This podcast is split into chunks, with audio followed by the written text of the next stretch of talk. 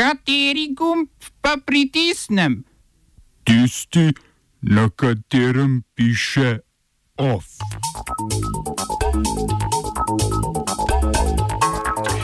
Polskih predsedniških volitev še ne bo. Kameleon Mihajl Sakašvili pleza po ukrajinski politični lestvici. Protivladni protesti v Srbiji. In pri nas. V kulturnih novicah pa več o rojstnem dnevu Radia Študent.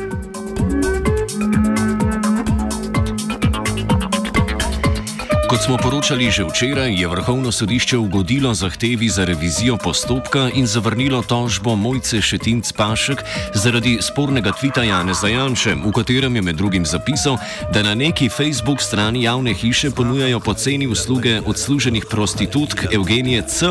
in Mojce P.Š. Na sodbo se je odzvalo Društvo novinarjev Slovenije. Trdijo, da ima sodba zastraševalni učinek za novinarje in ugotavljajo odklon od ustaljene sodne prakse. Sodišče je sodbo temeljilo z argumentacijo, da se je Janšev tweet nanašal na delo novinarke in ne njeno zasebno življenje. Hm. Tako je po mnenju sodišča šlo za politično izražanje in ne za osebni napad. Prav tako je sodišče dodalo, da sta tako novinarka kot sedani predsednik vlade javni osebi in da se za javne osebe predvideva višji tolerančni prag za takšne in drugačne razžalitve. Društvo novinarjev opozarja, da politiki in novinarka nikakor nista enakovredni javni osebnosti in dodaja, da žaljenje novinarjev ne more doprinesti k javni razpravi in ni povezano s svobodo izražanja, ki jo je sodbo bojda zaščitilo vrhovno sodišče.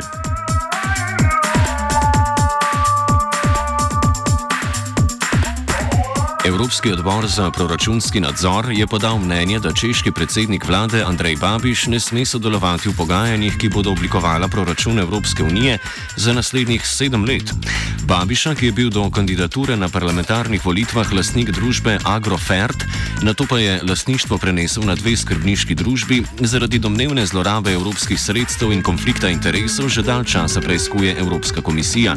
Obtožen je konflikta interesov, ker naj bi imel od podjetja Agrofert še vedno finančne koristi in bil hkrati predsednik vlade.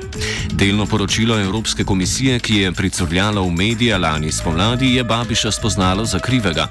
Če bo končno poročilo potrdilo to ugotovitev, evropski poslanci ustrajajo, da bi se moral Babiš odreči poslovnim interesom, prenehal prejemati evropska sredstva ali pa odstopiti z položaja predsednika vlade.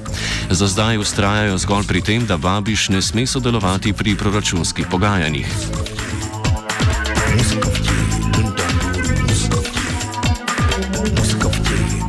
Polska vlada je za nedoločen čas predstavila predsedniške volitve, ki bi se morale zgoditi to nedeljo in za katere si je močno prizadevala vladajoča stranka Zakon in pravičnost. Spodnji dom polskega parlamenta je sicer potrdil zakon, ki ga je v obravnavo vložila stranka Zakon in pravičnost in ki določa, naj se predsedniške volitve izvedejo prek pošte. Veto na zakon je na to podal senat, kjer večino sedežev zasedajo pripadniki opozicije, ter obravnavo zakona vrnil spodnjemu domu. Volitve Volitve je bila vlada prisiljena predstaviti zaradi manjše koalicijske stranke sporazum, ki vladi očita, da zanemarja javno zdravje v politično korist. Favorit za zmago na predsedniških volitvah je aktualni predsednik Andrzej Duda, ki ga podpira vladajoča stranka. Tako Polski senat kot Evropska komisija in nekatere nevladne organizacije so izpostavili kritiko, da so v času pandemije koronavirusa ostali predsedniški kandidati ustavili svoje kampanje. Duda pa se je nemoteno redno pojavljal na javni televiziji.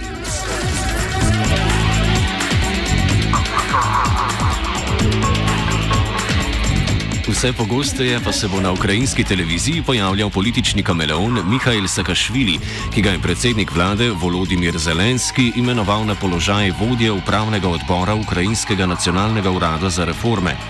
Sakašvili, nekdani gruzijski predsednik, ki so ga iz Gruzije odnesle obtožbe o korupciji, se je v Ukrajino prebil s podporo nekdanjega ukrajinskega predsednika Petra Porošenka, ki mu je podelil ukrajinsko državljanstvo in ga imenoval za guvernerja regije Odessa. Po sporu s Sakašviljem mu je Porošenko oduzel ukrajinsko državljanstvo in ga izgnal iz države. Ponovno ga je ukrajinsko zavetje povabil Zelenski, ki je prvotno želel Sakašvilja imenovati za podpredsednika vlade, vendar je pri tem naletel na upor v lastni stranki služabnikov ljudstva. Sakašvili bo iz novo dodeljenega položaja najverjetneje vodil postopke za odobritev novih sredstev mednarodnega denarnega sklada.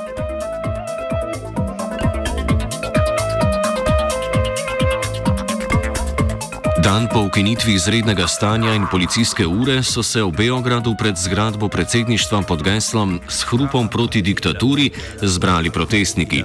Z bobnanjem oblonce in ponve so demonstrirali proti diktaturi v Srbiji, za katero krivijo predsednika Aleksandra Vučiča.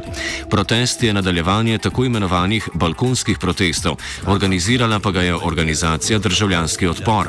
Med udeleženci protesta so se znašli tudi predstavniki opozicije, med drugimi člani, med drugim člani leve inicijative Ne davimo Beograd, pa tudi predsednik nacionalistične stranke Dveri in poslanec srpskega parlamenta Boško Obradovič. Slednji je pred dvema dnevoma v znak protesta žvižgal na zasedanju skupščine in iz prostora skušal odnesti srpsko zastavo. Na koncu so iz palače odnesli njega. Oba, če, če bom odgovoril na angliški. Slovenia will try to help. We can Slovenia will and we will do our utmost To say that the situation is, our problem ourselves. and uh, We will make further steps as soon as the conditions are. bomo vlado Marjana Cererja, Mira- Marjana Cererja Šarca podprli. uh, very, very serious. we know how and we will.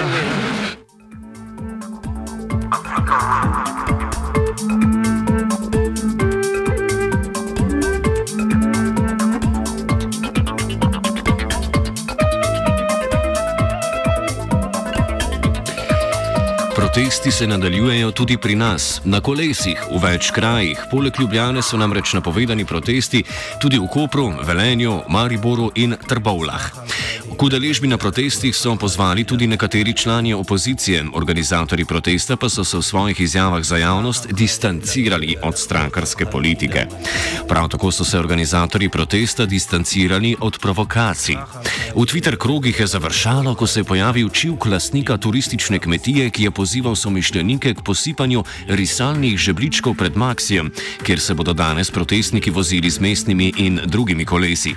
Del Twitter sfere se je na zapise, ki so očitno udarili žeblico na levo glavico, odzval s pisanjem negativnih mnen o turistični kmetiji, rekoč, da lastnik okoli objekta namerno namešča ostre in nevarne predmete.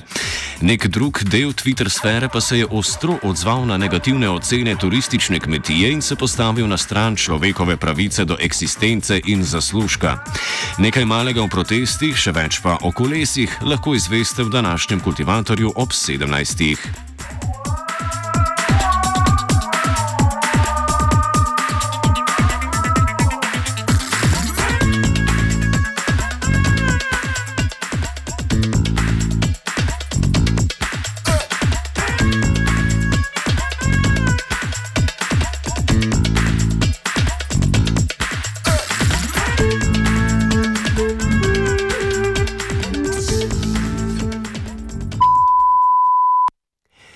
Znanstvena redakcija sporoča, v 20 evropskih državah je bila izvedena raziskava, kjer so opazovali povezanost med nizko ravnijo vitamina D v telesu in težjim potekom bolezni COVID-19. Znanstvena redakcija opozarja, da v raziskavi niso upoštevali dovolj spremenljivk, kot so naprimer socioekonomski pogoji prebivalstva in način življenja, ki je v vsaki državi malo drugačen. Zato obstaja verjetnost, da je prikazana povezava med vitaminom D in COVID-19 le naključna. Raziskave, ki jim zanesljivost peša, so v zadnjem času zelo pogoste, saj znanstvene skupine po hitrem postopku izdajajo raziskave, ki proučujejo različne povezave z zdravilnimi snovmi in boleznijo COVID-19. Te pa niso nujno dobro in dovolj obsežno izvedene. Res pa je, da se je vitamin D že pri več respiratornih boleznih pokazal kot dober zaveznik našega telesa, saj, pripomore, saj zelo pripomore k delovanju našega imunskega sistema. Vitamin D sicer nastaja v naši koži, ko je obsijana soncem, zato kljub karanteni pojdite tudi na kakšen sprehod ali pa na kolo. OF je s pomočjo znanstvene redakcije pripravila Lana.